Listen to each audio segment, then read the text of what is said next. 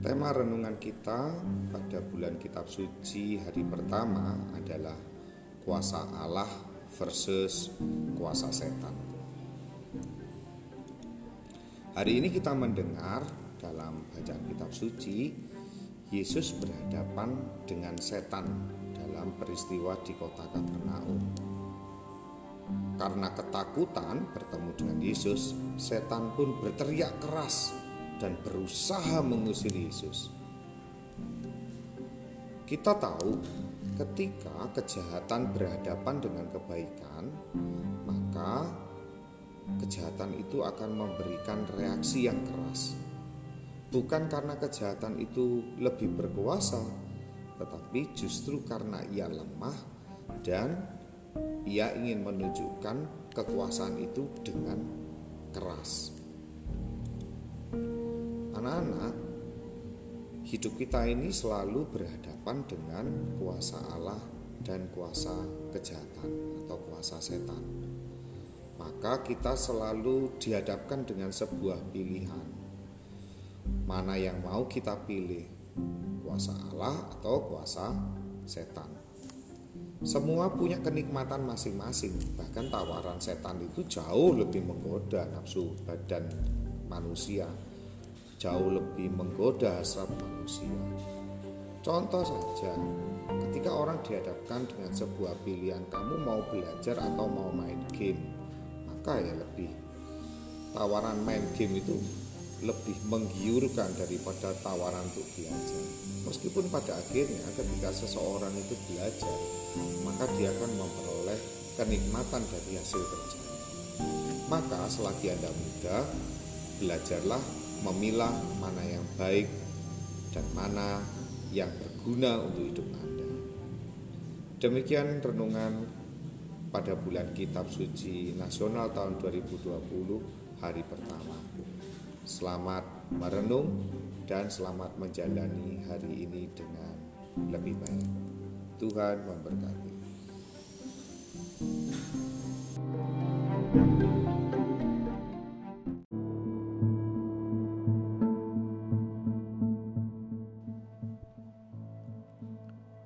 Selamat pagi anak-anak. Tema renungan kita pada bulan kitab suci hari kedua adalah gereja mewartakan Injil. Hari ini kita mendengar dalam bacaan kitab suci Yesus menyembuhkan banyak orang sakit dengan meletakkan tangan di atas mereka masing-masing Sekarang kalian sudah menjadi anak SMP. Sudah bertumbuh secara alami, jasmani dan rohani menjadi lebih baik, kuat dan dewasa dibandingkan dengan masa kalian yang sebelumnya ketika SD, TK ataupun ketika masih balita. Bapak yakin setiap dari kalian memiliki kelebihan dan kekurangan masing-masing. Seperti halnya Pak Yoga pun juga demikian. Semua itu bisa kita latih atau kita bina sehingga kelebihan yang kita miliki dapat bermanfaat bagi orang lain. Seperti hanya Yesus bisa menyembuhkan banyak orang sakit. Dan kelemahan kita pun dapat kita latih supaya kita menjadi lebih baik lagi.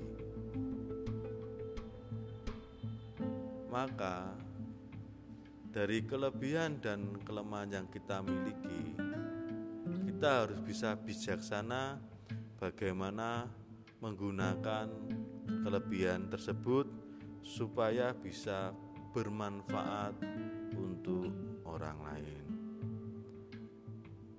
Oleh sebab itu, mari kita sekarang belajar bagaimana kita bisa bermanfaat bagi orang lain, terlebih karena kelebihan yang kita punya dan belajar bagaimana menyikapi kelemahan yang kita miliki supaya kita dapat bertumbuh menjadi pribadi yang lebih baik walaupun kita mempunyai kelemahan itu. Demikian renungan BKSN 2020 hari kedua berkah dalam.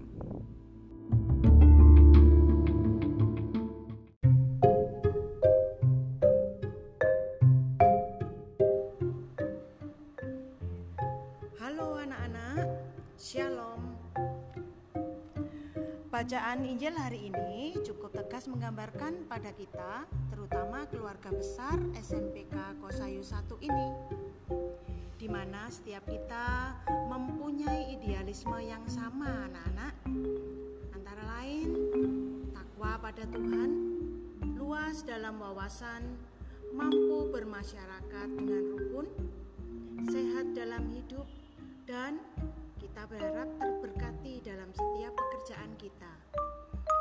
Yang semua ini terangkum jelas dalam moto sekolah kita yang tercinta ini, yaitu tangguh dalam iman, santun dalam pekerti, dan unggul dalam prestasi. Kalau untuk itu, meraih semua itu, dulu Tuhan Yesus memerintah kepada Simon, bertolaklah ke tempat yang dalam. Dan Simon melaksanakannya, maka diperolehlah ikan yang melimpah. Tempat yang dalam di tengah laut adalah hal yang kita gambarkan hal yang sulit. Artinya tugas itu tidak mudah sehingga waktu itu muncul keraguan-raguan pada Simon. Nah, sekarang di zaman kita juga sama. Tugas kita juga tidak mudah. Namun, mau bagaimana? Tuhan Yesus sendirilah yang sudah memilih kita, yaitu menjadi penjala manusia. Nah, tanpa keyakinan, pasti kita akan cepat kecewa.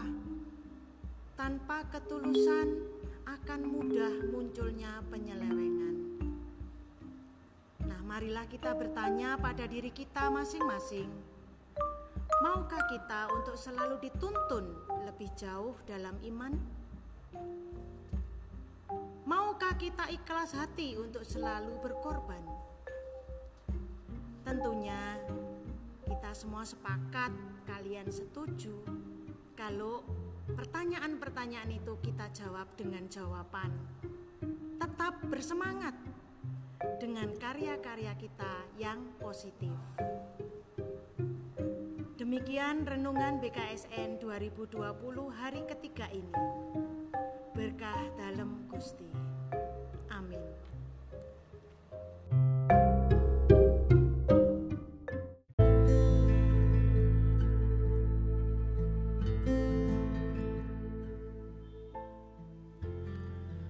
Tema renungan kita pada bulan Kitab Suci hari keempat adalah anggur baru harus disimpan dalam kantong yang baru pula.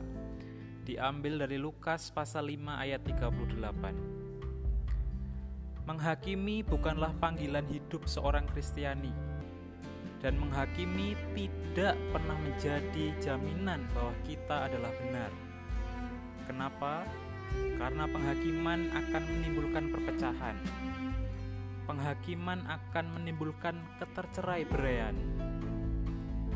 Jadi, sebagai seorang murid Tuhan, sikap yang tepat yang perlu kita ambil adalah jadi orang yang berlatih penuh kesetiaan dan rendah hati. Setia itu sangat penting. Rendah hati juga sangat penting. Kenapa? Karena hal tersebut yang akan menjamin kita hidup bersama Dia sampai pada jalan kesempurnaan. Selalu sadar siapa kita, di mana kita, dan untuk apa kita berada.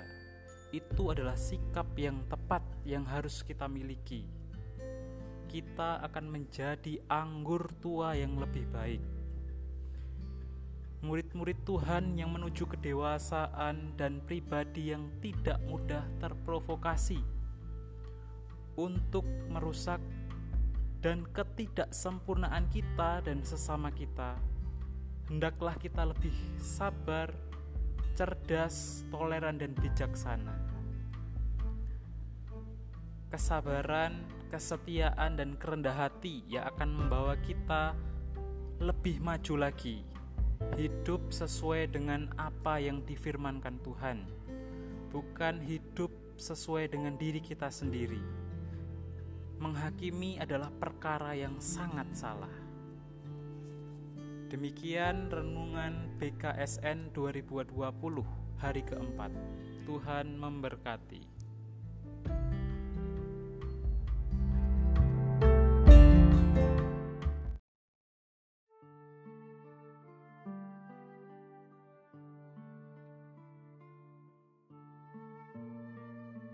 Selamat pagi teman-teman terkasih. Di pagi yang cerah ini kita bertemu lagi bukan dengan pelajaran podcast dari seni budaya maupun para karya. Eh, Pak Bendu kali ini diminta untuk membagikan renungan untuk pagi ini. Semoga kalian tetap sehat dan tetap jaga protokol kesehatan.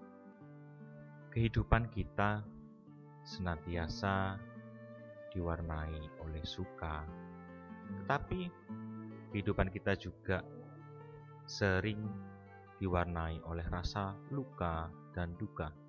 Seringkali dalam perjalanan hidup kita mengalami konflik dengan orang lain, saudara kita, sahabat, maupun dari keluarga kita sendiri. Masalah yang memicu konflik bisa saja suatu hal yang kecil, perbedaan kepentingan maupun perbedaan cara berpikir. Konflik yang ada awalnya mungkin hanya menimbulkan kejengkelan, kesesalan dalam hati. Tetapi setelah itu, ego di dalam kita mulai bekerja, mencari-cari pembenaran bagi diri kita sendiri, mencari-cari kesalahan dari orang lain yang tidak kita sukai. Lama-lama, yang kita pikirkan tentang orang tersebut hanyalah kejelekan-kejelekan mereka. Kita semakin terbutakan oleh ego dan kebencian kita. Kita terus memendamnya dalam hati dan ingatan kita. Ada kata-kata bijak Tiongkok yang mengatakan bahwa kerelaan memaafkan adalah kemuliaan hati yang terbesar. Anda mungkin berpikir bahwa orang tersebut dapat berkata demikian lantaran dia tidak sedang diliputi kejengkelan dan kebencian. Ketika dia sendiri yang mengalami konflik dan ketidaksukaan, mungkin dia juga tidak akan bisa rela memaafkan. Kemurahan hati membawa manfaat bagi orang lain. Orang yang murah hati akan memberi dengan tulus ikhlas tanpa mengharap balasan. Ia memberi karena kasih dan kemurahan. Ketika memaafkan, ia sungguh-sungguh memaafkan dan tidak mengingat lagi kesalahan atau luka yang dia alami di masa lalu. Semua itu karena belas kasih. Belas kasih mendidik kita untuk membenci dosa dan mengasihi maupun juga mencintai pendosa menjauhi yang jahat, dan merangkul orang yang bertobat. Hendaklah kita hidup dalam prinsip yang teguh, dan marilah kita menjadi anggota tubuh Kristus, menjadikan kita anggota yang selalu rendah hati dan memaafkan. Namun, kita bukanlah orang-orang yang sempurna kita manusia biasa kadang masih ada rasa dendam pada diri kita. Tapi yakinlah kita semua dipanggil menuju kesempurnaan iman dan cinta dengan saling mengampuni bersama belas kasih Allah. Tuhan memberkati. Amin.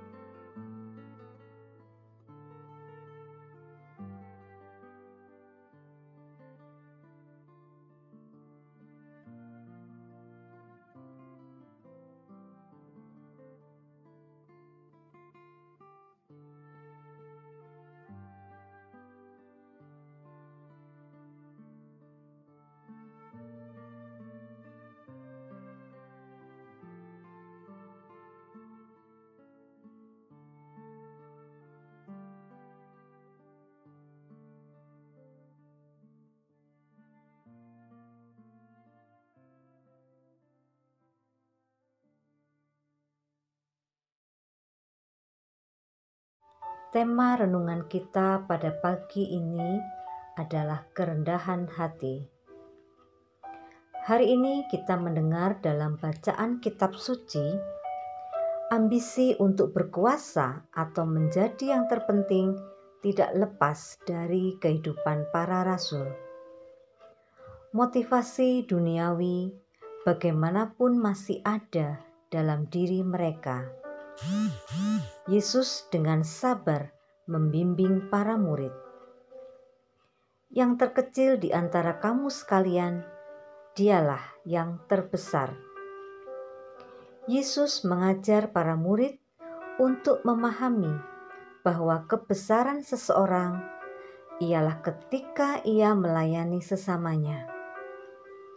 Para murid dibimbingnya untuk menjadi seorang pemimpin yang melayani dan bukan pemimpin yang berkuasa. Dalam kehidupan kita, bersikap rendah hati bukanlah suatu aib. Bersikap rendah hati kepada orang lain tidak akan menurunkan martabat kita. Tetapi, bagaimana kita menjadikan diri kita berarti bagi sesama. Dengan rendah hati, seseorang menunjukkan bahwa hidup ini suatu anugerah dari Tuhan untuk dibaktikan dalam kebaikan bagi sesama. Ambisi untuk menguasai orang lain atau kesombongan diri adalah sikap yang bertentangan dengan kebajikan kerendahan hati. Jadi, ingatlah, kesombongan pastilah memecah belah, tetapi pelayanan rendah hati akan menyatukan. Demikian renungan pada pagi ini. Selamat merenung dan selamat menjalani hari ini dengan lebih baik. Tuhan memberkati.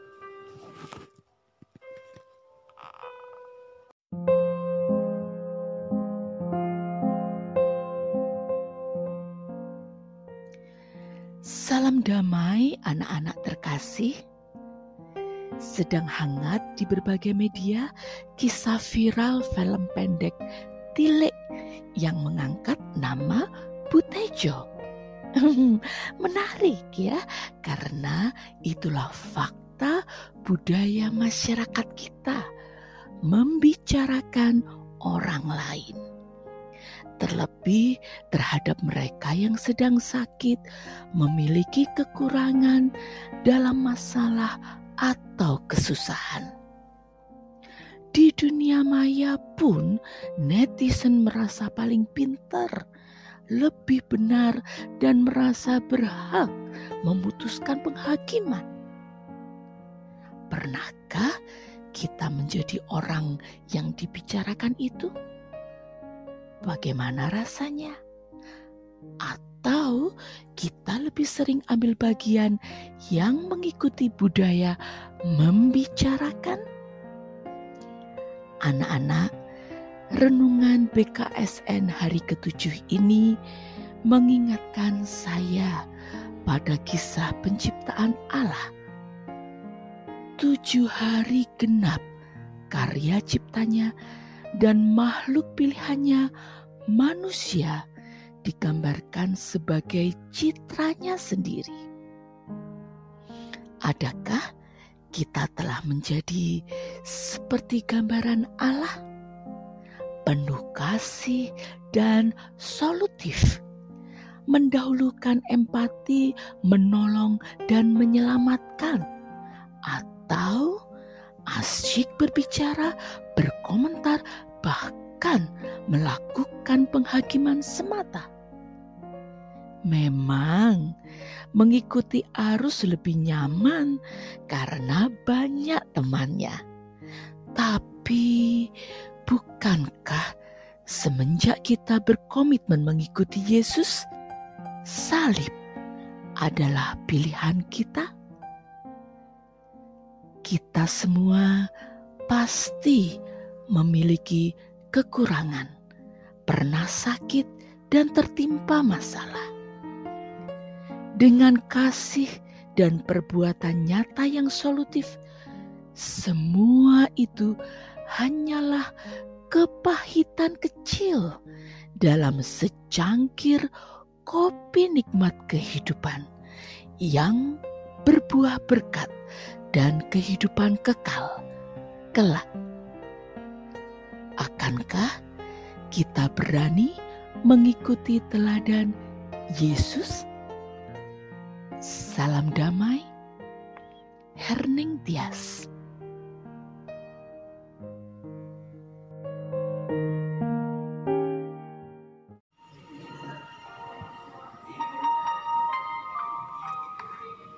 Selamat pagi anak-anak. Hari ini adalah hari ke-9 bulan kitab suci. Bersyukur kepada Tuhan karena kita diberi kesempatan untuk belajar kitab suci dengan lebih baik lagi. Anak-anak, pada hari ini Yesus, Tuhan Yesus menyampaikan dalam Injilnya Lukas dikatakan bahwa berbahagialah hai kalian yang miskin karena kalian yang empunya kerajaan Allah. Berbahagialah hai kalian yang kini kelaparan karena kalian yang akan dipuaskan. Berbahagialah hal kalian yang kini menangis karena kalian akan tertawa. Anak-anak, menjadi orang miskin di hadapan Allah adalah orang yang berbahagia. Ada kemiskinan rohani yang menghalangi orang menerima berkat atau kebahagiaan, sehingga merupakan dosa dan jerat. Apa itu miskin secara rohani? Kekejutan hati, ketakutan, serta kesetiaan untuk menyerah pada hawa nafsu. Itulah yang dinamakan miskin secara rohani.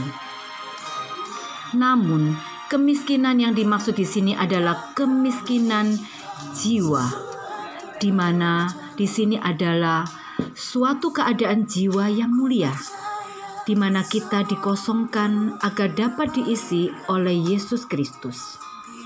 Menjadi miskin di hadapan Allah berarti merasa puas di tengah kemiskinan, bersedia dikosongkan dari kekayaan duniawi dan yang itu menjadi kehendak Allah bagi kita dan keadaan kita dalam kondisi yang kurang. Di dunia ini banyak orang yang miskin tetapi penuh keangkuhan, miskin dan sombong, menggerutu dan mengeluh serta mempersalahkan nasib mereka. Tetapi kita sebagai orang Kristen harus menyesuaikan diri. Kita sebagai hamba Tuhan harus menyesuaikan diri dengan kemiskinan kita. Kita harus tahu apa itu kekurangan. Sambil mengaku kebijaksanaan Allah yang menentukan kita mengalami kemiskinan, tetapi kita harus tetap merasa nyaman, sabar menanggung kesukaran yang disebabkan oleh kemiskinan itu bersyukur kepada Tuhan atas apa yang kita mulia kita miliki saat ini dan memanfaatkan dengan sebaik mungkin. Ini berarti berarti kita bahwa kita tidak terikat pada semua kekayaan duniawi, tidak mencondongkan diri kepada kekayaan itu, tetapi dengan senang hati menanggung kerugian dan kekecewaan yang mungkin menimpa kita ketika kita sedang dalam keadaan kemakmuran. Ini bukan berarti membuat diri miskin karena terdorong kesombongan dan kemunafikan, dan membuang semua yang diberikan Tuhan kepada kita, seperti halnya yang dilakukan sebagian orang. Nah, jika kita kaya di dunia ini, maka kita harus tetap miskin di hadapan Allah. Artinya, kita harus tetap bersikap rendah hati terhadap orang miskin dan ikut merasakan perasaan mereka, misalnya tersentuh oleh kelemahan mereka. Kita harus bersiap menghadapi kemiskinan, tidak boleh takut atau menghindarinya secara berlebihan, melainkan harus menyambutnya, terutama karena kemiskinan itu menimpa kita untuk menjaga agar hati nurani kita tetap terpelihara.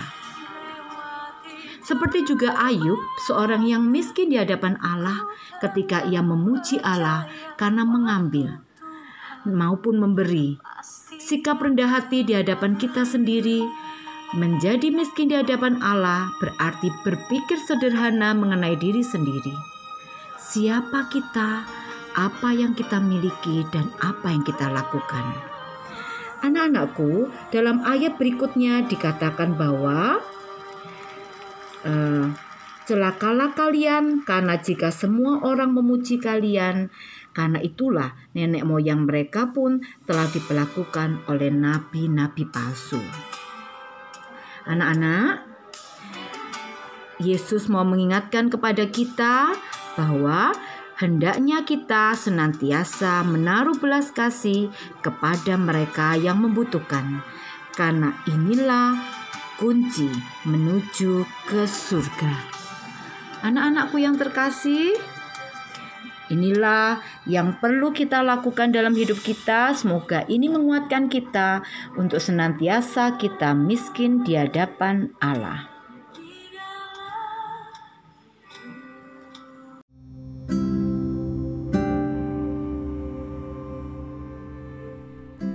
anak-anak yang terkasih yang dimuliakan Tuhan.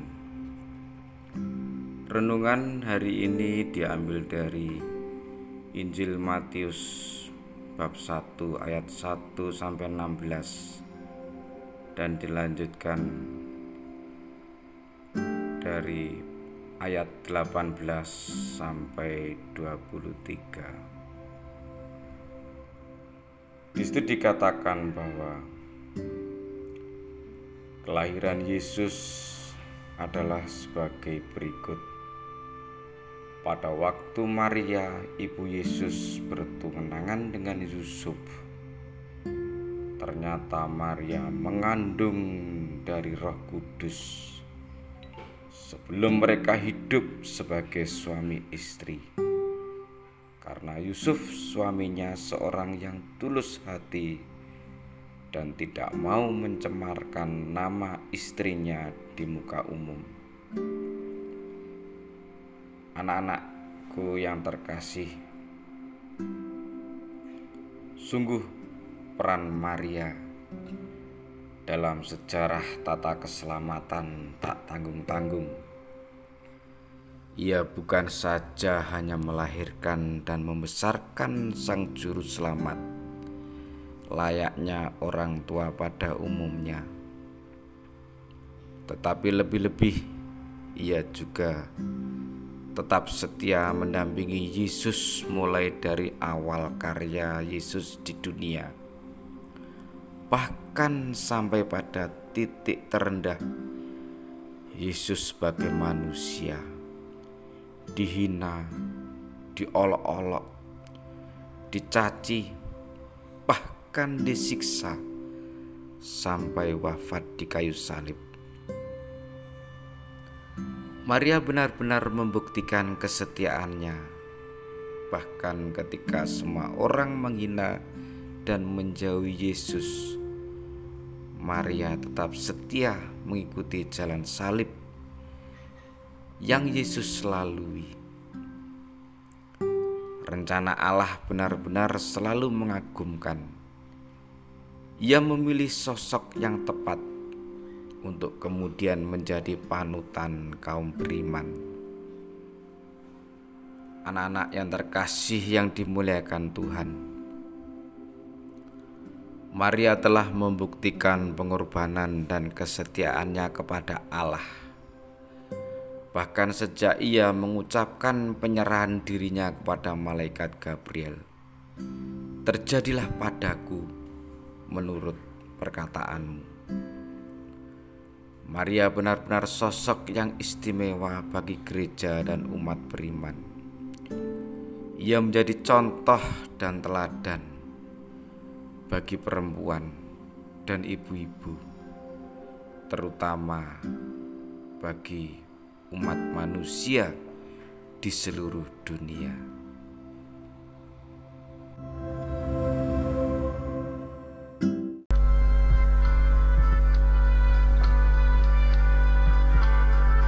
Anak-anak yang terkasih, renungan kita pada hari ke-10 ini bertema memberi kasih tanpa batas. Diambil dari Injil Lukas bab 6 ayat 27 sampai dengan 38. Yesus mengajak kepada murid-muridnya menjalankan hukum kasih. Kasih yang murah hati, bukan kasih karena kewajiban. Kasih yang murah hati itu memberi lebih daripada yang seharusnya. Sering kita mengasihi hanya kepada orang yang mengasihi kita Yesus meminta lebih, kasihilah musuhmu. Sering kita berbuat baik hanya kepada mereka yang juga baik pada kita. Yesus meminta lebih kepada yang membenci kita. Pendek kata, Yesus mengajak kita membalas hal yang tidak baik dengan kebaikan dan welas asih. Anak-anak yang mungkin tahu dunia pewayangan,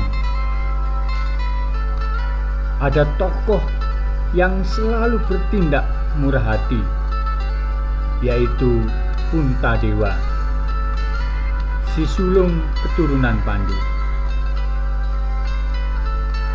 Ketika diperlakukan licik oleh Kurawa dalam permainan dadu. Pandawa dibuang ke hutan Kamyaka. Semua diterima dengan ikhlas. Waktu adik-adiknya mati karena disikara oleh jin penunggu sendang, dia ditanya oleh jin itu, Kalau harta milikmu diminta oleh orang yang tidak berhak, apakah kamu akan memberikannya? Dewa menjawab, Bahkan nyawaku pun akan kuberikan demi kebaikan jagat raya.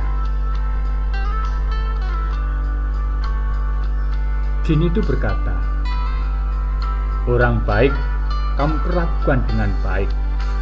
Orang jahat tetap kamu perlakukan dengan baik juga.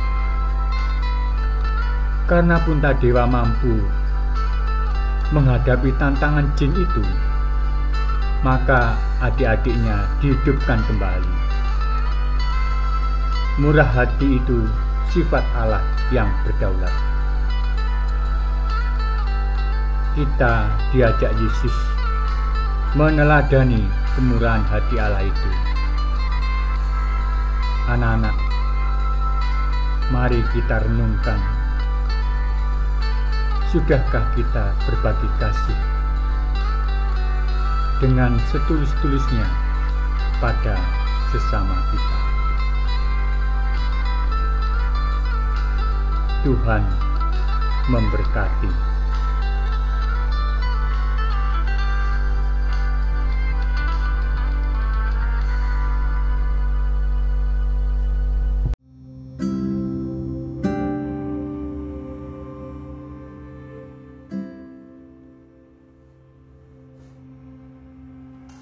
Pagi anak-anak Hari ini saya akan memberikan pengumuman tentang Bulan Kitab Suci Nasional 2020 Gereja Katolik mempunyai tradisi setiap bulan September melaksanakan Bulan Kitab Suci Nasional.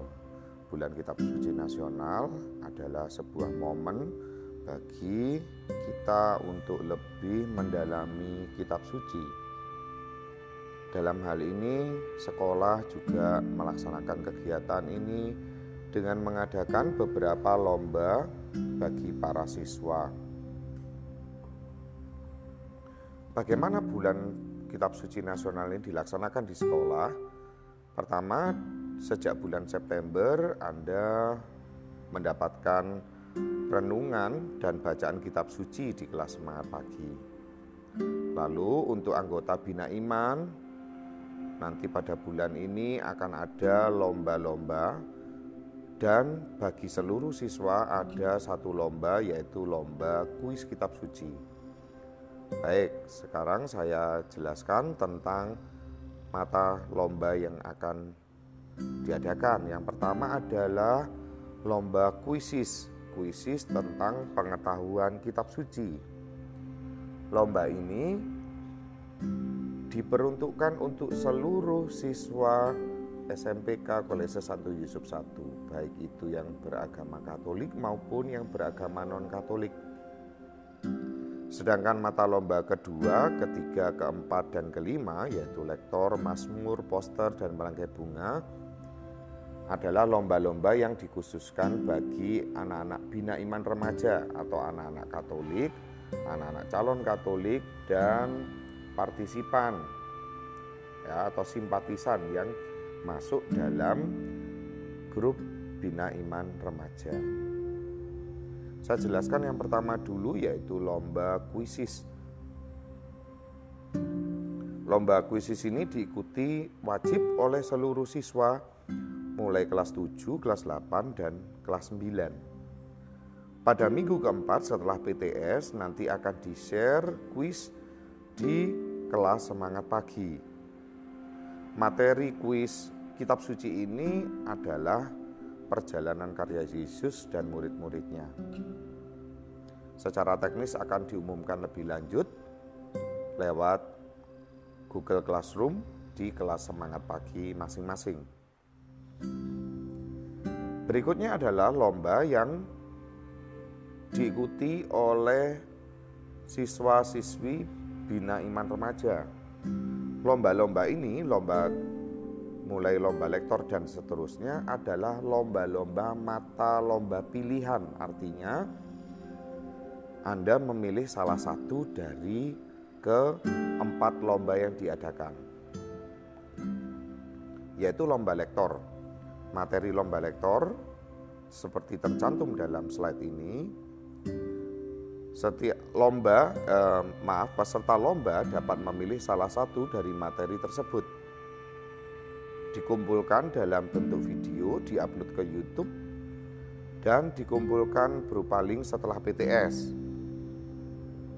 Video berdurasi 5-8 menit, dan pada penampilan video kalian wajib memakai seragam, seragam putih biru, membawa kitab suci, bisa ditambahkan dengan lilin atau aksesoris lain yang berhubungan. Ada juga lomba Mazmur. Lomba Mazmur ini memilih salah satu dari Mazmur hari Minggu bulan September.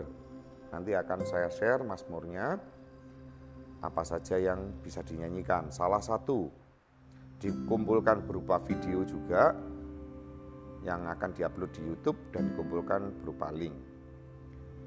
Pada video peserta lomba menceritakan isi Mazmur tentang apa dan baru dinyanyikan. Akan ada video tutorial yang menjelaskan hal ini. Video berdurasi 5 sampai 8 menit.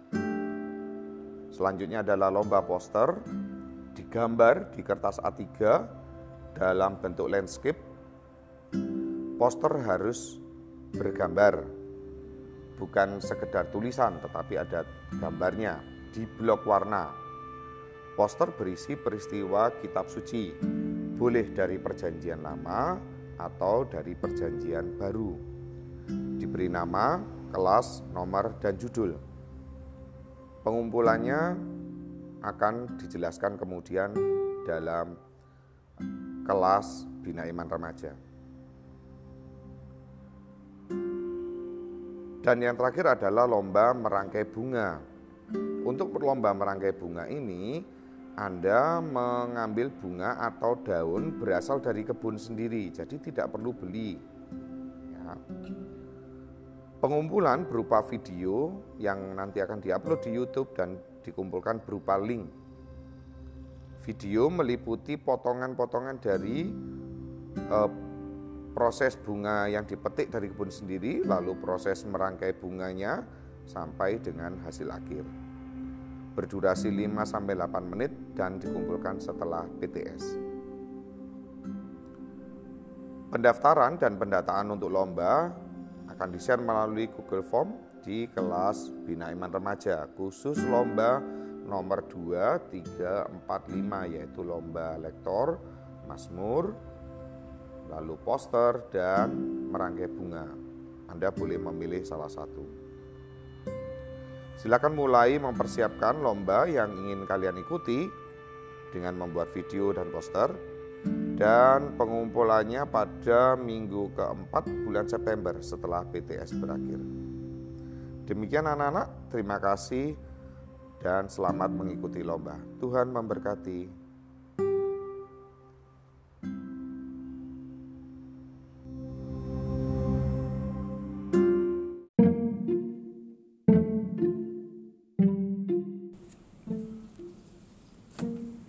Selamat pagi anak-anak yang terkasih.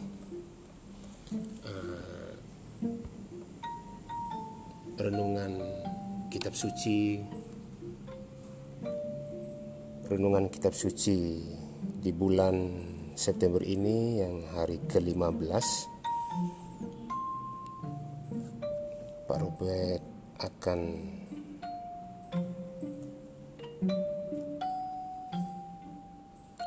merenungkan sedikit tentang bacaan yang kita dengar hari ini.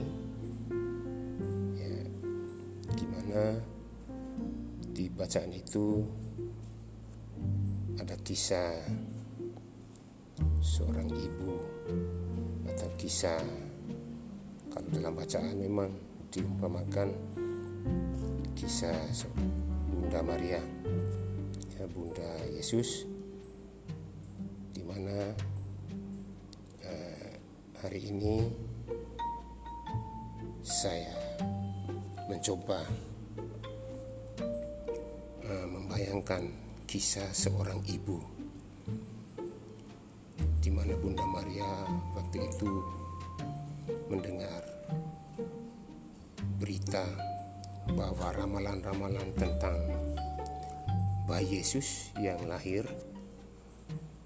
waktu itu diramalkan oleh Simeon dan para uh, pemuka agama juga mengatakan uh, masa depan bayi ini ya menghadapi masalah yang sangat luar biasa, sangat besar. Nah, tapi bagaimana sikap Bunda Maria? Pada saat itu. Dia tetap sabar, tabah, dan setia. Setia tetap merawat Yesus. Dalam kehidupan kita sehari-hari, kalau kita lihat, kalau kita mendengar bacaan ini, pasti kita sering berjumpa dengan masalah dan tantangan yang kita hadapi. Bagaimana kita menghadapi semua itu? Ya. Di sini sangat menarik bagaimana Bunda Maria mengajarkan tentang kesetiaan. Setia. Setia apa? Kita sebagai murid setia untuk mengikuti pelajaran misalnya, apalagi di masa COVID-19 ini. Bagaimana kita setia mengikuti pelajaran setia mengikuti peraturan yang ada di rumah juga. Nah, itu yang ditekankan oleh Bunda Maria yang pesan melalui bacaan hari ini di mana tadi kisah Bunda Maria yang penuh korban ya.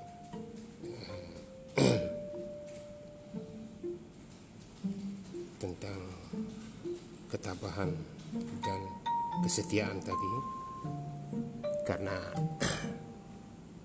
Bunda Maria mendengar berita ramalan untuk Yesus yang masa yang akan datang.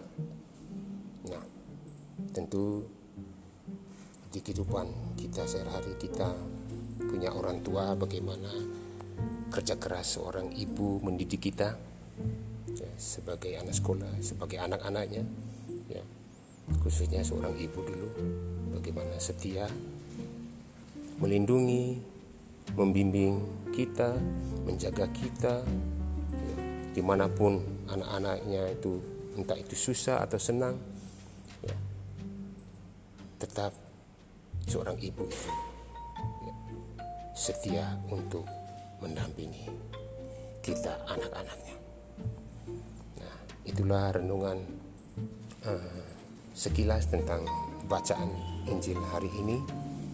Semoga apa yang kita dengar atau kita pahami, mari kita sama-sama tetap setia dalam pekerjaan kita, tetap setia dalam apa saja yang kita lakukan, baik itu di rumah, di mana pun kita berada.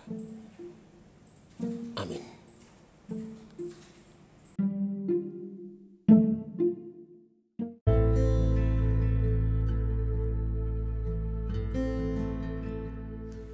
Selamat pagi anak-anakku yang terkasih. Kita baru saja mendengarkan kisah tentang karya Yesus yang sangat luar biasa, yaitu menyembuhkan orang-orang sakit. Di antara mereka yang sembuh adalah para janda. Lalu setelah sembuh bagaimana? Ternyata mereka bukan orang-orang yang tidak tahu diri. Para janda itu ternyata adalah orang-orang yang tahu berterima kasih. Setelah mereka sembuh, mereka mengiringi perjalanan Yesus dengan menyumbangkan harta kekayaannya serta melayani orang-orang yang mengiringi perjalanan Yesus. Anak-anakku, bayangkanlah bila kita sedang hiking atau lintas alam atau bahasa lainnya menjelajah Berarti kita berjalan kaki kan? Kita tidak naik dokar, sepeda motor, mobil, apalagi pesawat terbang dan lain-lain. Kita menyusuri daerah ke daerah. Kita pasti capek, haus, dan lapar.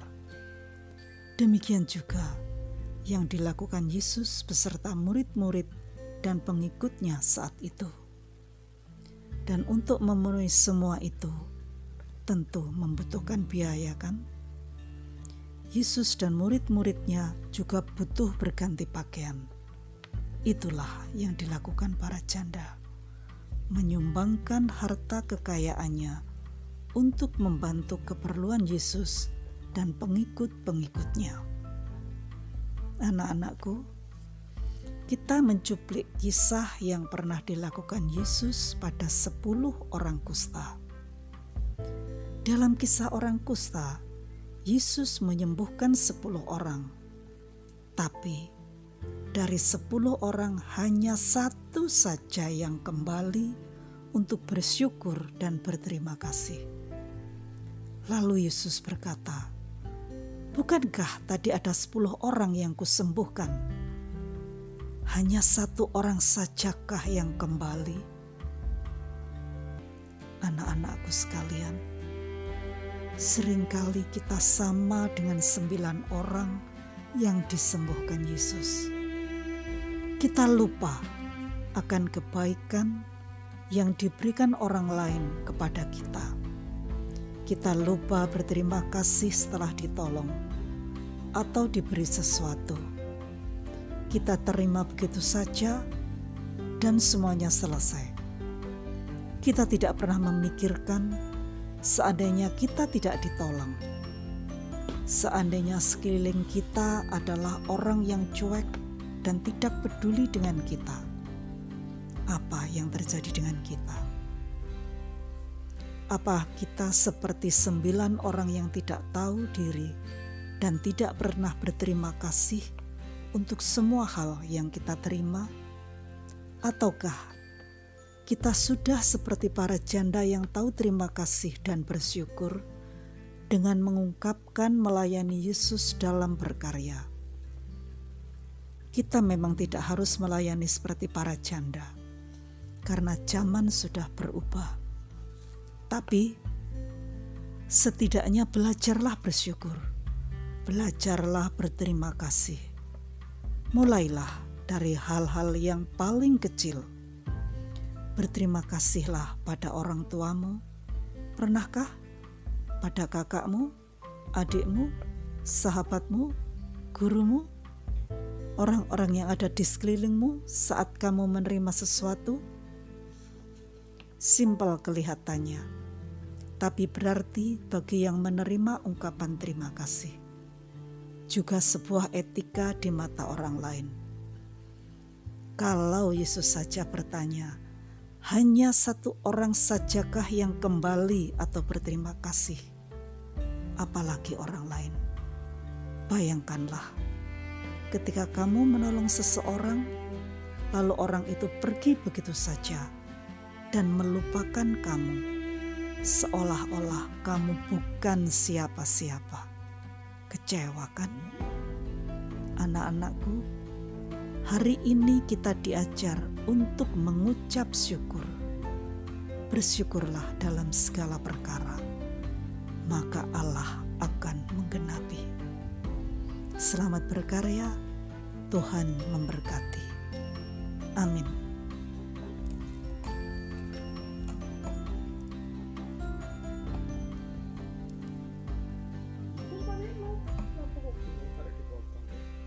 Ini dimatikan ini pidat lagi.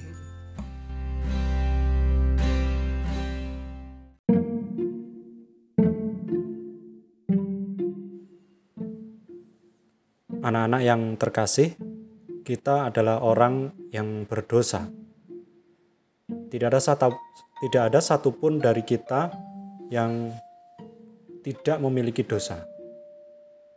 Tetapi dengan berbuat dosa bukan lantas kita selalu memerlukan penghakiman atau hukuman. Kita hanya membutuhkan belas kasih Bapa. Maka marilah kita datang kepadanya dan mohon pengampunan atas dosa-dosa kita. Datanglah dengan rendah hati seperti wanita yang bersimpuh, menyeka kaki Yesus dengan rambutnya, mencium kakinya dan meminyaki rambutnya dengan minyak wangi sebagai tanda kita benar-benar menyesal dengan apa yang telah kita lakukan selama ini. Semoga kasih Tuhan selalu melimpah kepada kita sehingga kita pun terbebas dari dosa. Amin.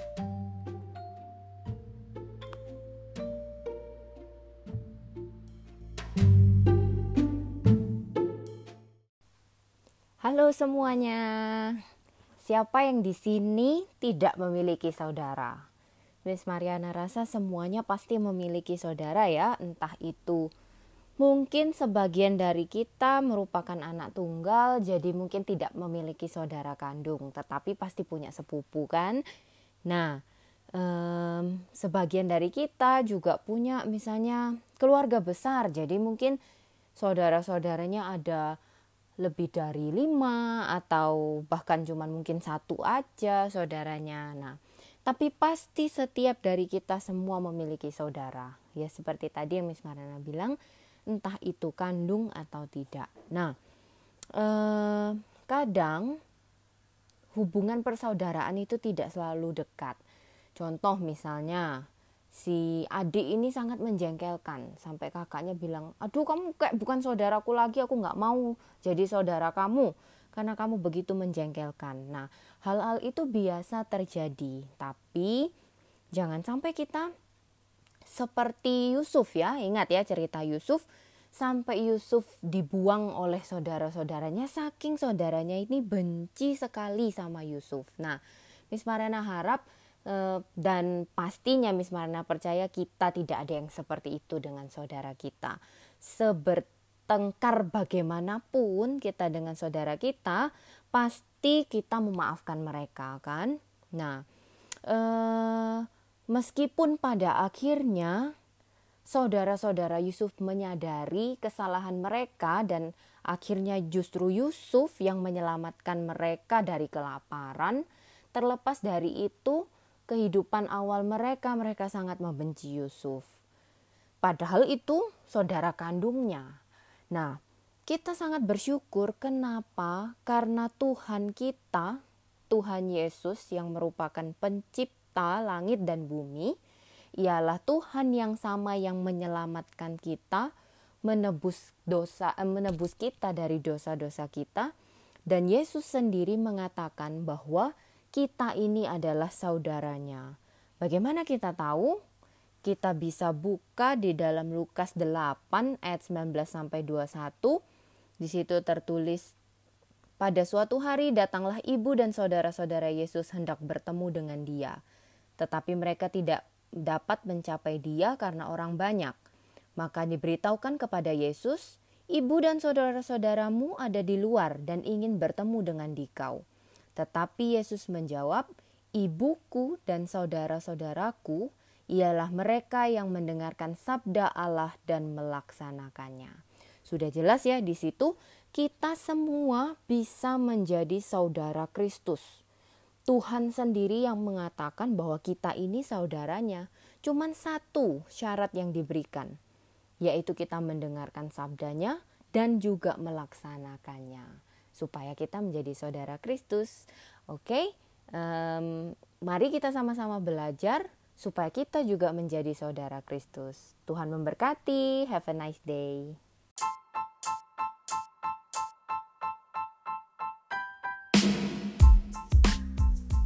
Halo semuanya. Siapa yang di sini tidak memiliki saudara? Miss Mariana rasa semuanya pasti memiliki saudara ya, entah itu Mungkin sebagian dari kita merupakan anak tunggal, jadi mungkin tidak memiliki saudara kandung, tetapi pasti punya sepupu, kan?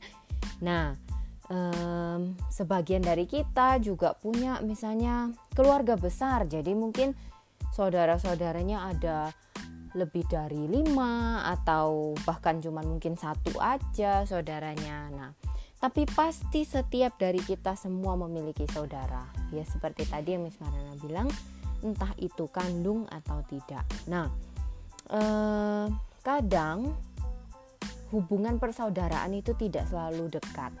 Contoh misalnya si adik ini sangat menjengkelkan sampai kakaknya bilang, aduh kamu kayak bukan saudaraku lagi, aku nggak mau jadi saudara kamu karena kamu begitu menjengkelkan. Nah, hal-hal itu biasa terjadi, tapi jangan sampai kita seperti Yusuf ya. Ingat ya cerita Yusuf sampai Yusuf dibuang oleh saudara-saudaranya saking saudaranya ini benci sekali sama Yusuf. Nah, Miss Marana harap eh, dan pastinya Miss Marana percaya kita tidak ada yang seperti itu dengan saudara kita.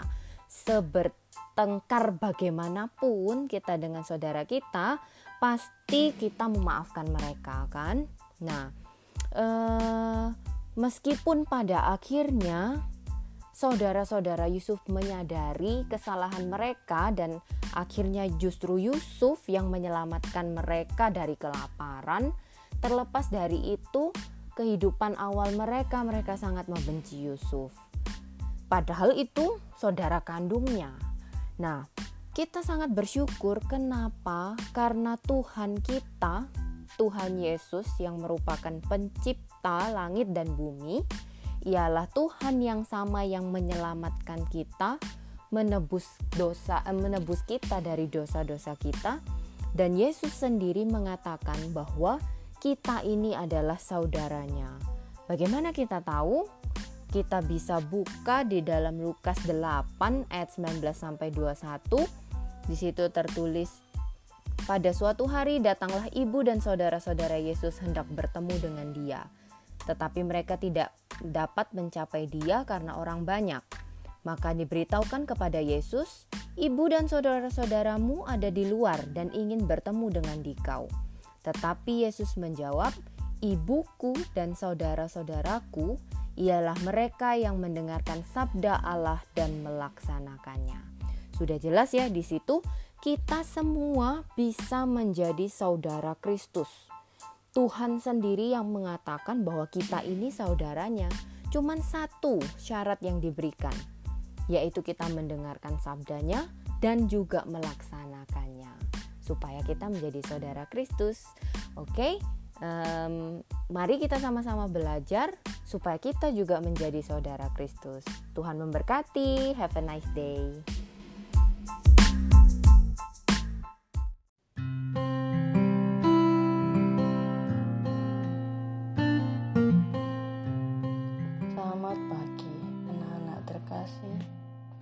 Kita baru saja mendengarkan pembacaan Alkitab yang dibacakan oleh teman kalian. Bacaan tadi mengisahkan tentang Raja Herodes yang takut karena kemunculan seseorang yang membuat banyak mujizat. Anak-anak, sebenarnya mengapa Herodes mesti takut? Bukankah dia seorang penguasa? Buktinya, dia bisa memenggal kepala Yohanes yang tidak menunjukkan pelanggaran hukum atau kesalahan. Seseorang yang melakukan kesalahan tentu akan dihantui rasa bersalah dan ketakutan.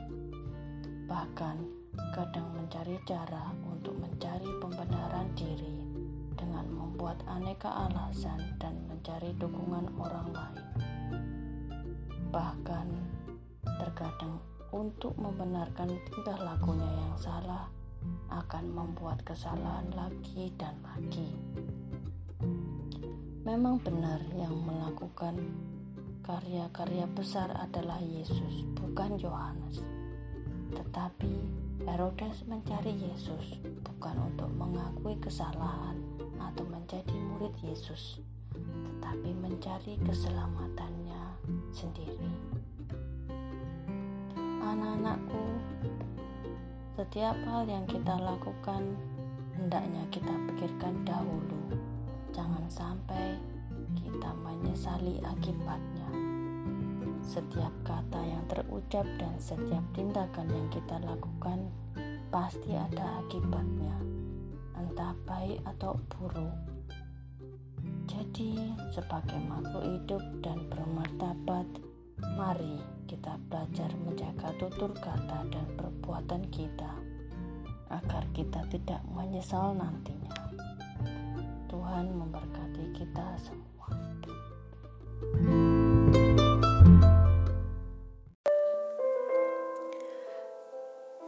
Selamat pagi, anak-anak yang terkasih, siswa-siswi SMPK Kolese Santo Yusuf 1 Malang yang sampai dengan hari ini masih harus tekun dan mandiri belajar dari rumah. Kita patut bersyukur pagi hari ini kita bisa mendengarkan renungan, membaca renungan.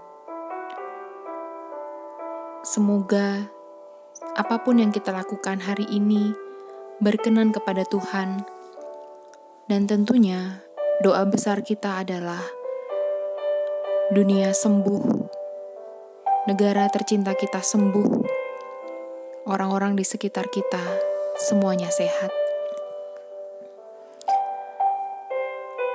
Segala sesuatu ada waktunya. Kita tahu apa yang terbaik dan apa yang terburuk.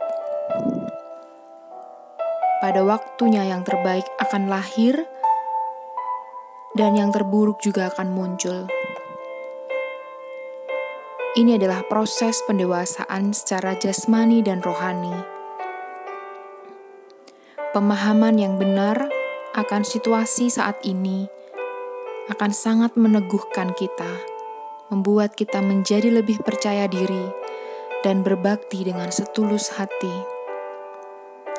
Tak ada yang tahu, satupun dari antara kita akan terjadi situasi seperti hari ini hampir 5-6 bulan kita dipaksa untuk menjadi pribadi yang mau tidak mau harus belajar meneguhkan iman kepercayaan.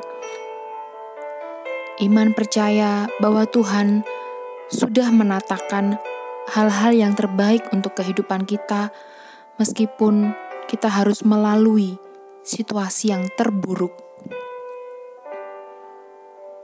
Kita harus menjadi lebih percaya diri dan berbakti dengan setulus hati.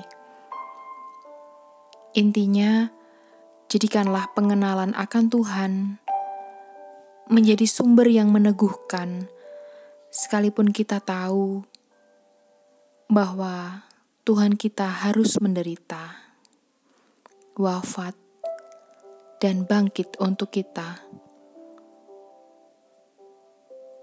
Iman adalah soal perbuatan. Salib dan darahnya adalah penebusan, dan Yesus adalah Juru Selamat kita.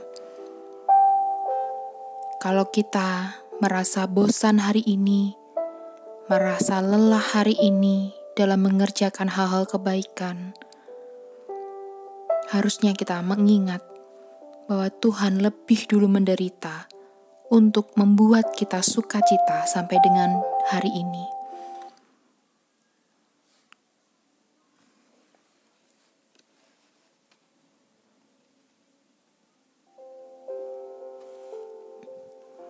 Harusnya masing-masing dari kita, meskipun jauh, harus tetap saling mendoakan, saling meneguhkan iman, dan percaya suatu saat Tuhan akan memberikan hari baru di mana pandemi corona berakhir dan kita semua bisa kembali ke sekolah kita tercinta, bertemu dengan teman dan guru yang kita sayangi Selamat belajar anak-anakku.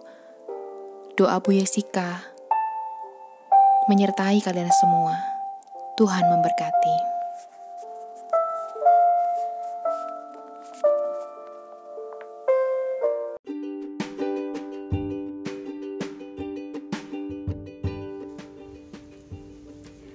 Selamat pagi, Bapak Ibu guru dan anak-anak yang terkasih. Bacaan hari ini menunjukkan kita untuk memahami seperti apa dan bagaimana keberadaan malaikat.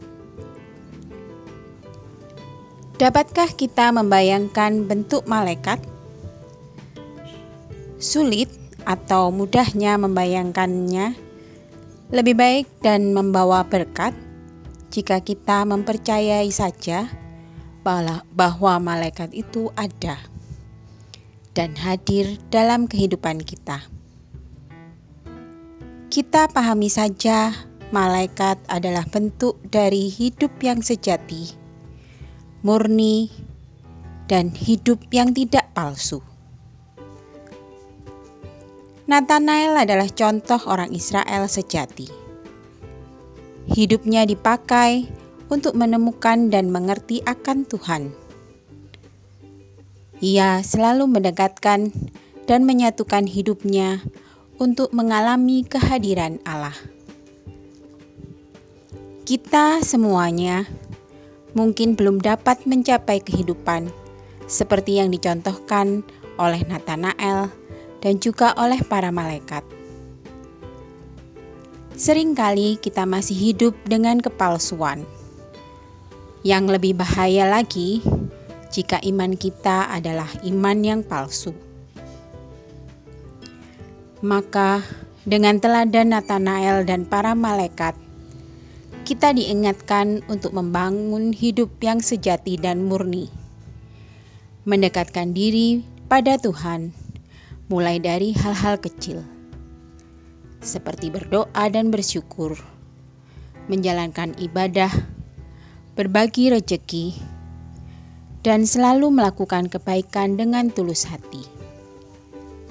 Semoga kita semakin dekat dan didekatkan dengan jalan sejati dan murni, yaitu Tuhan Allah sendiri. Amin.